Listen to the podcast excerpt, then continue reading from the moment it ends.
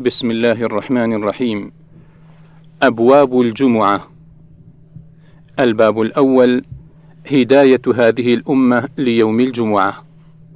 399 عن أبي هريرة رضي الله عنه قال قال رسول الله صلى الله عليه وسلم نحن الآخرون الأولون يوم القيامة. ونحن أول من يدخل الجنة. بيد أنهم أوتوا الكتاب من قبلنا وأوتيناه من بعدهم فاختلفوا فهدانا الله لما اختلفوا فيه من الحق. فهذا يومهم الذي اختلفوا فيه هدانا الله له.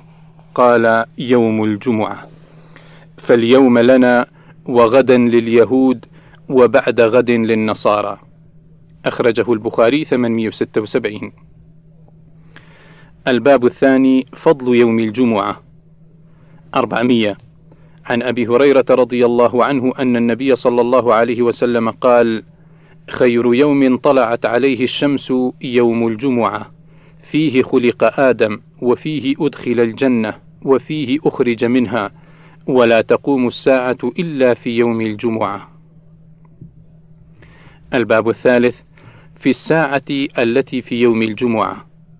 401 عن أبي هريرة رضي الله عنه قال قال أبو القاسم صلى الله عليه وسلم إن في الجمعة لساعة لا يوافقها مسلم قائم يصلي يسأل الله خيرا إلا أعطاه إياه وقال بيده يقللها يزهدها. أخرجه البخاري 935 402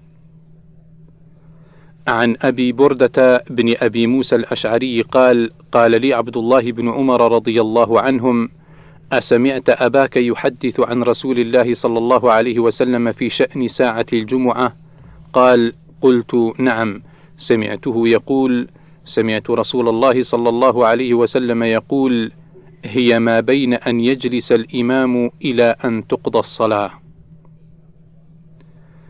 الباب الرابع ما يقرأ في صلاة الفجر يوم الجمعة. 403 عن ابن عباس رضي الله عنهما أن النبي صلى الله عليه وسلم كان يقرأ في صلاة الفجر يوم الجمعة ألف لام ميم تنزيل السجدة. وهل أتى على الإنسان حين من الدهر؟ وأن النبي صلى الله عليه وسلم كان يقرأ في صلاة الجمعة سورة الجمعة والمنافقين. الباب الخامس في غسل الجمعة 404 عن أبي هريرة رضي الله عنه قال: بينما عمر بن الخطاب رضي الله عنه يخطب الناس يوم الجمعة إذ دخل عثمان بن عفان فعرض به عمر رضي الله عنهما فقال: ما بال رجال يتأخرون بعد النداء. فقال عثمان يا أمير المؤمنين ما زدت حين سمعت النداء أن توضأت ثم أقبلت. فقال عمر والوضوء أيضا ألم تسمعوا رسول الله صلى الله عليه وسلم يقول إذا جاء أحدكم إلى الجمعة فليغتسل أخرجه البخاري 878 الباب السادس الطيب والسواك يوم الجمعة.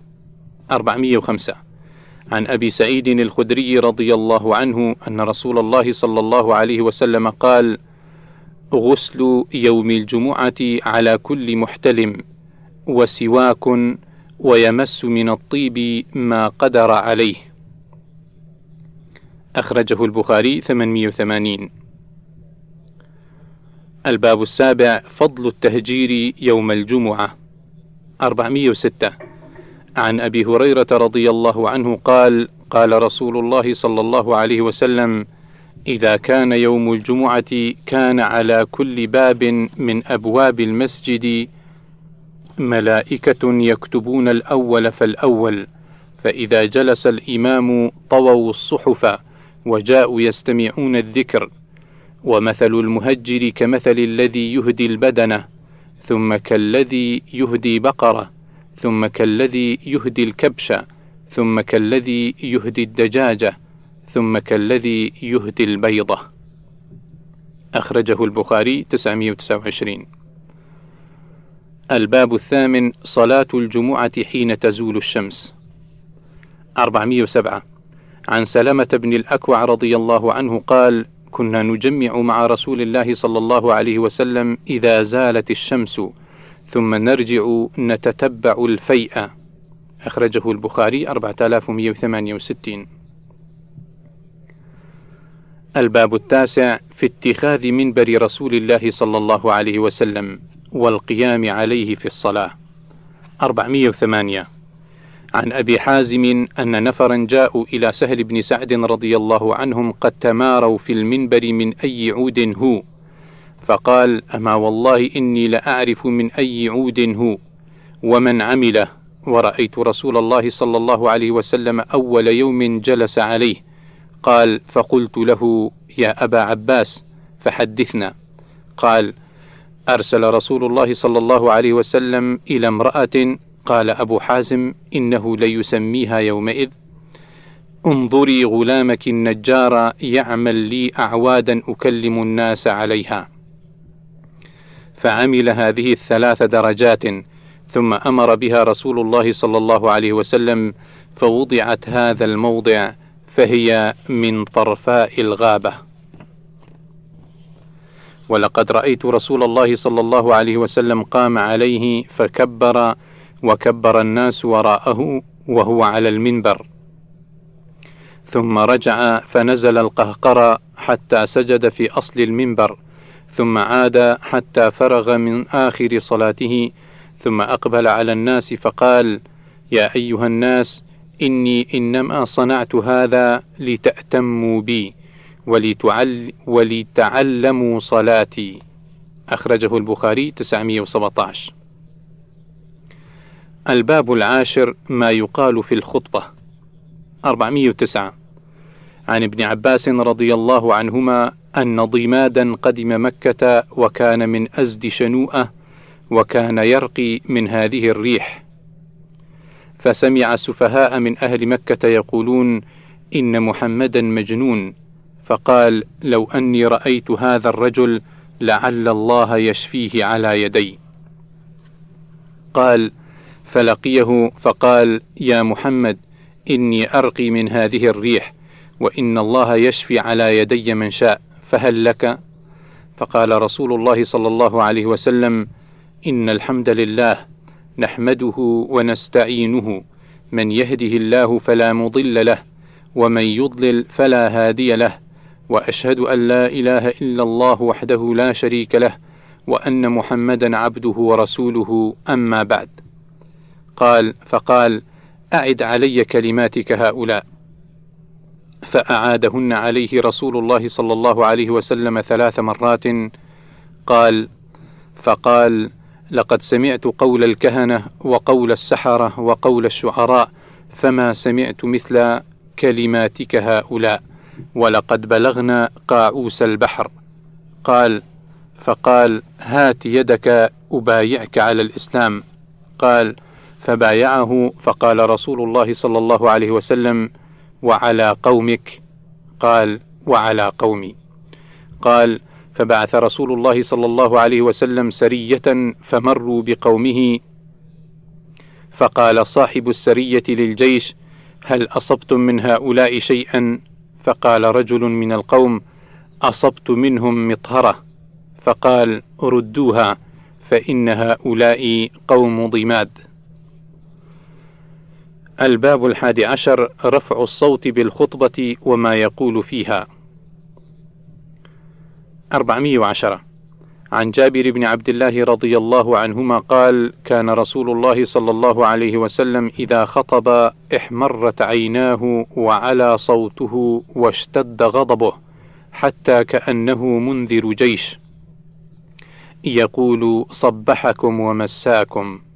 ويقول بعثت أنا والساعة كهاتين ويقرن بين إصبعيه السبابة والوسطى ويقول أما بعد فإن خير الحديث كتاب الله وخير الهدي هدي محمد صلى الله عليه وسلم وشر الأمور محدثاتها وكل بدعة ضلالة.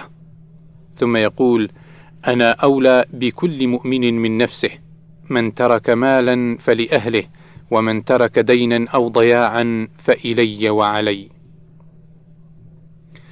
الباب الثاني عشر الإيجاز في الخطبة.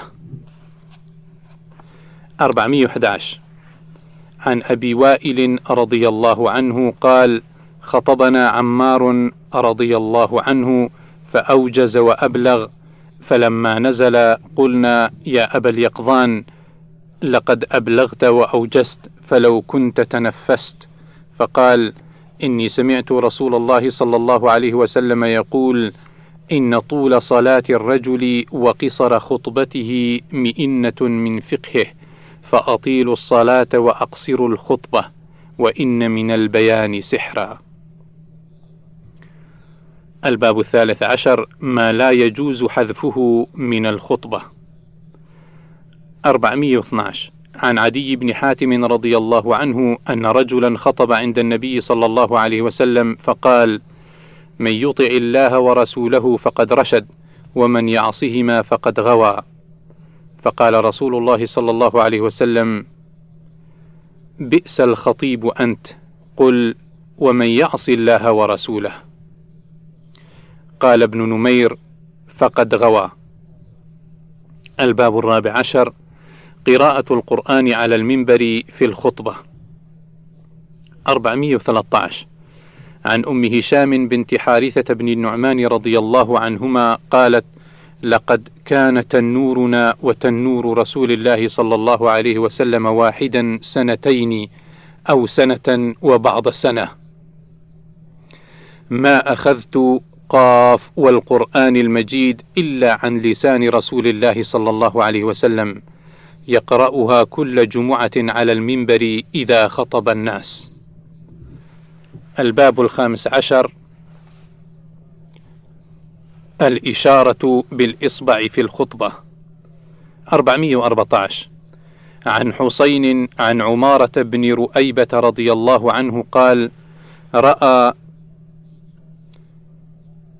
بشر بن مروان على المنبر رافعا يديه فقال: قبح الله هاتين اليدين. لقد رأيت رسول الله صلى الله عليه وسلم ما يزيد على أن يقول بيده هكذا وأشار بإصبعه المسبحة. الباب السادس عشر في قوله تعالى وإذا رأوا تجارة أو لهوا انفضوا إليها وتركوك قائما 415 عن جابر بن عبد الله رضي الله عنهما أن النبي صلى الله عليه وسلم كان يخطب قائما يوم الجمعة فجاءت عير من الشام فانفتل الناس إليها حتى لم يبق إلا اثنا عشر رجلا فأنزلت هذه الآية التي في الجمعة وإذا رأوا تجارة أو لهوا انفضوا إليها وتركوك قائما الآية. أخرجه البخاري 936 الباب السابع عشر ما يقرأ في صلاة الجمعة. 416 عن النعمان بن بشير رضي الله عنهما قال كان رسول الله صلى الله عليه وسلم يقرأ في العيدين وفي الجمعة بسبح اسم ربك الأعلى وهل أتاك حديث الغاشية قال وإذا اجتمع العيد والجمعة في يوم واحد يقرأ بهما أيضا في الصلاتين. الباب الثامن عشر التعليم للعلم في الخطبة. 417 عن أبي رفاعة رضي الله عنه قال: انتهيت إلى النبي صلى الله عليه وسلم وهو يخطب. قال: فقلت يا رسول الله رجل غريب جاء, جاء يسأل عن دينه. لا يدري ما دينه. قال فأقبل علي رسول الله صلى الله عليه وسلم وترك خطبته حتى انتهى إلي. فأتى بكرسي حسبت قوائمه حديدا. قال فقعد عليه رسول الله صلى الله عليه وسلم وجعل يعلمني مما علمه الله ثم أتى خطبته فأتم آخرها. الباب التاسع عشر. في الجلسة بين الخطبتين في الجمعة. 418 عن جابر بن سمر رضي الله عنه أن رسول الله صلى الله عليه وسلم كان يخطب قائما ثم يجلس ثم يقوم فيخطب قائما. فمن نبأك أنه كان يخطب جالسا فقد كذب. فقد والله صليت معه أكثر من ألفي صلاة.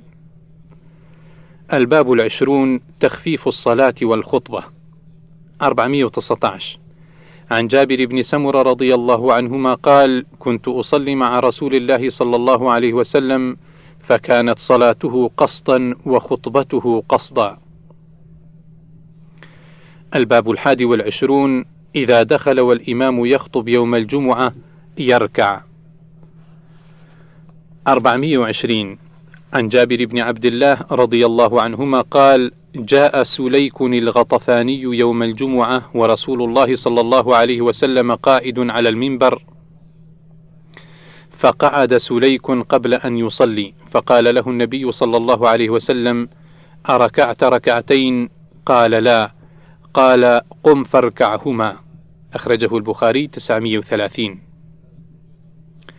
الباب الثاني والعشرون في الإنصات للخطبة 421 عن أبي هريرة رضي الله عنه أن رسول الله صلى الله عليه وسلم قال إذا قلت لصاحبك أنصت يوم الجمعة والإمام يخطب فقد لغوت. الباب الثالث والعشرون فضل من استمع وأنصت في الجمعة. 422 عن أبي هريرة رضي الله عنه عن النبي صلى الله عليه وسلم قال من اغتسل ثم أتى الجمعة فصلى ما قدر له ثم أنصت حتى يفرغ من خطبته ثم يصلي معه غفر له ما بينه وبين الجمعة الأخرى وفضل ثلاثة أيام. الباب الرابع والعشرون الصلاة بعد الجمعة في المسجد 423 عن أبي هريرة رضي الله عنه قال قال رسول الله صلى الله عليه وسلم إذا صليتم بعد الجمعة فصلوا أربعة. وفي رواية قال سهيل فإن عجل بك شيء فصل ركعتين في المسجد وركعتين إذا رجعت. الباب الخامس والعشرون الصلاة بعد الجمعة في البيت. 424 عن عبد الله بن عمر رضي الله عنهما أنه كان إذا صلى الجمعة انصرف فسجد سجدتين في بيته ثم قال كان رسول الله صلى الله عليه وسلم يصنع ذلك. الباب السادس والعشرون لا يصلي بعد الجمعة حتى يتكلم أو يخرج. 425 عن عمر بن عطاء أن نافع بن جبير أرسله إلى السائب ابن أخت نمر يسأله عن شيء رآه منه معاوية رضي الله عنهم في الصلاة فقال نعم صليت معه الجمعة في المقصورة فلما سلم الإمام قمت في مقامي فصليت. فلما دخل أرسل إلي فقال لا تعد لما فعلت. إذا صليت الجمعة فلا تصلها بصلاة حتى تكلم أو تخرج. فإن رسول الله صلى الله عليه وسلم قد أمر بذلك أن لا توصل صلاة بصلاة حتى نتكلم أو نخرج. الباب السابع والعشرون التغليظ في ترك الجمعة. 426 عن الحكم بن ميناء أن عبد الله بن عمر وأبا هريرة رضي الله عنهم حدثاه أنهما سمعا رسول الله صلى الله عليه وسلم يقول على أعواد منبره: لينتهين أقوام عن ودعهم الجمعات أو ليختمن الله عز وجل على قلوبهم ثم ليكونن من الغافلين. العيدان الباب الأول ترك الأذان والإقامة في العيدين. 427 عن جابر بن سمرة رضي الله عنه قال صليت مع رسول الله صلى الله عليه وسلم العيدين غير مرة ولا مرتين بغير أذان ولا إقامة. الباب الثاني صلاة العيدين قبل الخطبة. 428 عن ابن عباس رضي الله عنهما قال شهدت صلاة الفطر مع مع نبي الله صلى الله عليه وسلم وأبي بكر وعمر وعثمان رضي الله عنهم فكلهم يصليها قبل الخطبة ثم يخطب. قال فنزل نبي الله صلى الله عليه وسلم كأني أنظر إليه حين يجلس الرجال بيده ثم أقبل يشقهم حتى جاء النساء ومعه بلال فقال: يا أيها النبي إذا جاءك المؤمنات يبايعنك على ألا يشركن بالله شيئا. فتلا هذه الآية حتى فرغ منها ثم قال حين فرغ منها أنتن على ذلك؟ فقالت امرأة واحدة لم يجبه غيرها منهم نعم يا نبي الله لا يدرى حينئذ من هي. قال فتصدقنا. فبسط بلال ثوبه ثم قال هلم فدا لكن أبي وأمي. فجعلن يلقين الفتخ والخواتم في ثوب بلال. أخرجه البخاري 979 الباب الثاني ما يقرأ في صلاة العيدين. 429 عن عبيد الله بن عبد الله أن عمر بن الخطاب رضي الله عنه سأل أبا واقد الليثي ما كان يقرأ به رسول الله صلى الله عليه وسلم في الأضحى والفطر فقال كان يقرأ فيهما بقاف والقرآن المجيد واقتربت الساعة وانشق القمر. الباب الثالث ترك الصلاة قبل العيد وبعده في المصلى. 430 عن ابن عباس رضي الله عنهما أن رسول الله صلى الله عليه وسلم خرج يوم أضحى أو فطر فصلى ركعتين لم يصل قبلها ولا بعدها ثم أتى النساء ومعه بلال فأمرهن بالصدقة فجعلت المرأة تلقي خرصها وتلقي سخابها. أخرجه البخاري 98 الباب الرابع في خروج النساء إلى العيدين. 431 عن أم عطية رضي الله عنها قالت: أمرنا رسول الله صلى الله عليه وسلم أن نخرجهن في الفطر والأضحى العواتق والحيض وذوات الخدور، فأما الحيض فيعتزلن الصلاة ويشهدن الخير ودعوة المسلمين. قلت يا رسول الله إحدانا لا يكون لها جلباب. قال: لتلبسها أختها من جلبابها. أخرجه البخاري 324 الباب الخامس ما يقول الجوار في العيد.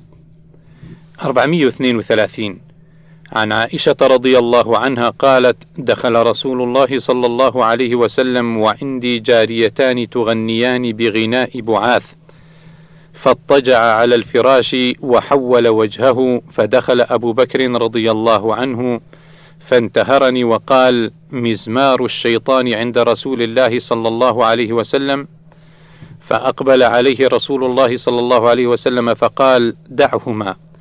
فلما غفل غمزتهما فخرجتا. وكان يوم عيد يلعب السودان بالدرق والحراب. فإما سألت رسول الله صلى الله عليه وسلم وإما قال تشتهين تنظرين؟ فقلت نعم فأقامني وراءه خدي على خده وهو يقول دونكم يا بني أرفدة. حتى إذا مللت قال حسبك؟ قلت نعم. قال فاذهبي. أخرجه البخاري 949 صلاة المسافر. الباب الأول قصر صلاة المسافر في الأمن. 433 عن يعلى بن أمية رضي الله عنه قال قلت لعمر بن الخطاب رضي الله عنه ليس عليكم جناح أن تقصروا من الصلاة إن خفتم أن يفتنكم الذين كفروا. سورة النساء الآية 101 فقد أمن الناس فقال عجبت مما عجبت منه. فسألت رسول الله صلى الله عليه وسلم عن ذلك فقال صدقة تصدق الله بها عليكم فاقبلوا صدقته. 434 عن ابن عباس رضي الله عنهما قال فرض الله الصلاة على لسان نبيكم صلى الله عليه وسلم في الحضر أربعا وفي السفر ركعتين وفي الخوف ركعة. الباب الثاني ما تقصر فيه الصلاة من السفر. 435 عن أنس بن مالك رضي الله عنه قال: صليت مع رسول الله صلى الله عليه وسلم الظهر بالمدينة أربعة، وصليت معه العصر في ذي الحليفة ركعتين. الباب الثالث قصر الصلاة في الحج. 436 عن أنس بن مالك رضي الله عنه قال: خرجنا مع رسول الله صلى الله عليه وسلم من المدينة إلى مكة فصلى ركعتين ركعتين حتى رجع. قلت كم أقام بمكة؟ قال عشرا. وفي رواية خرجنا من المدينة إلى الحج. الباب الرابع قصر الصلاة بمنى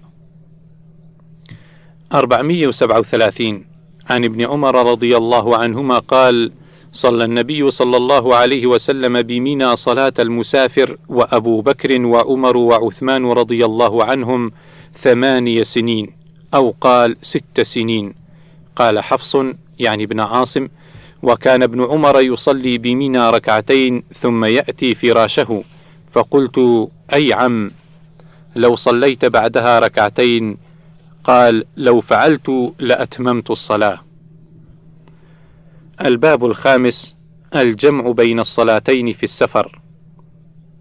438 عن أنس بن مالك رضي الله عنه عن النبي صلى الله عليه وسلم إذا عجل عليه السير يؤخر الظهر إلى أول وقت العصر فيجمع بينهما ويؤخر المغرب حتى يجمع بينها وبين العشاء حين يغيب الشفق.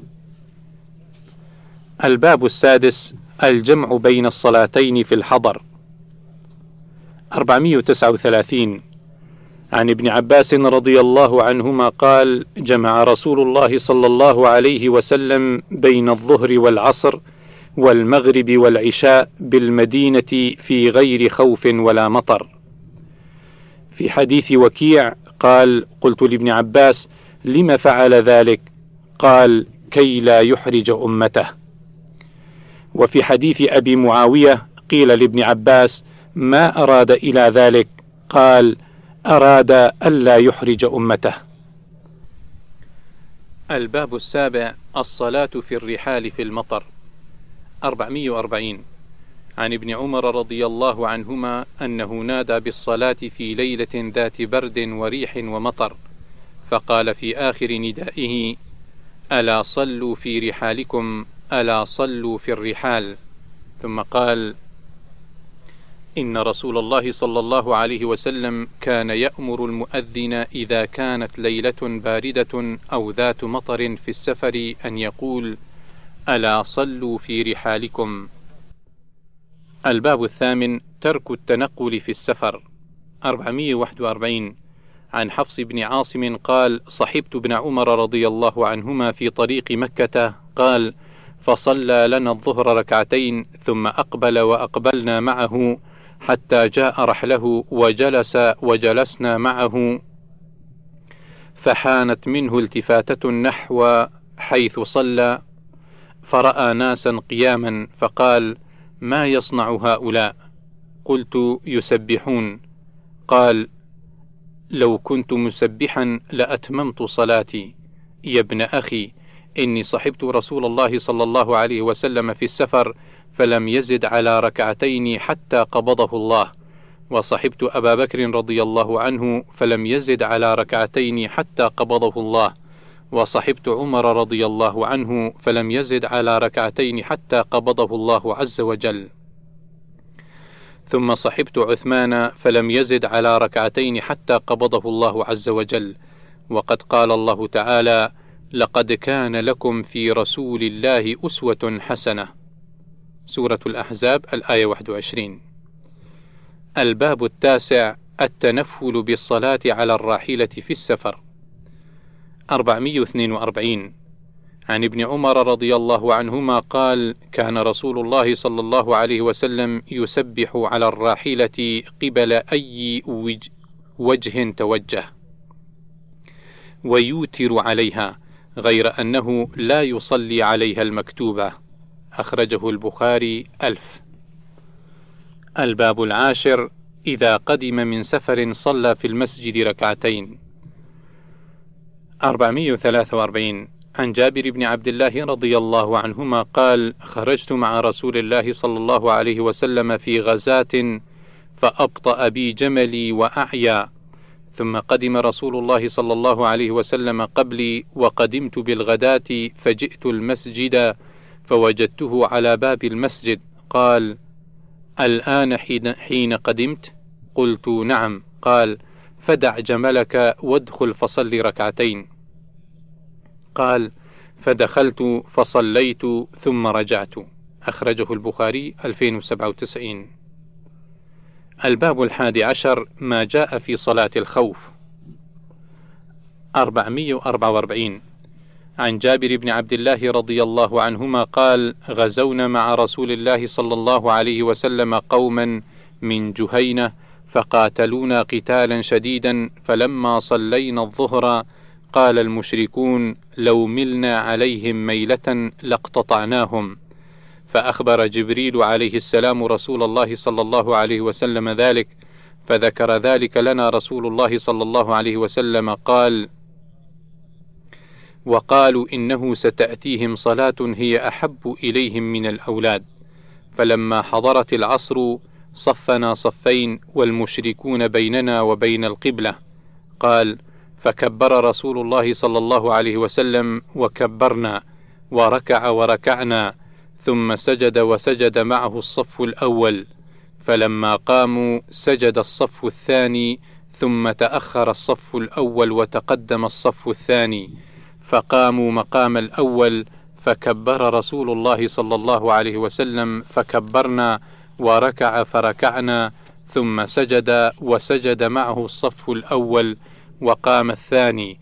فلما سجد الصف الثاني ثم جلسوا جميعا سلم عليهم رسول الله صلى الله عليه وسلم.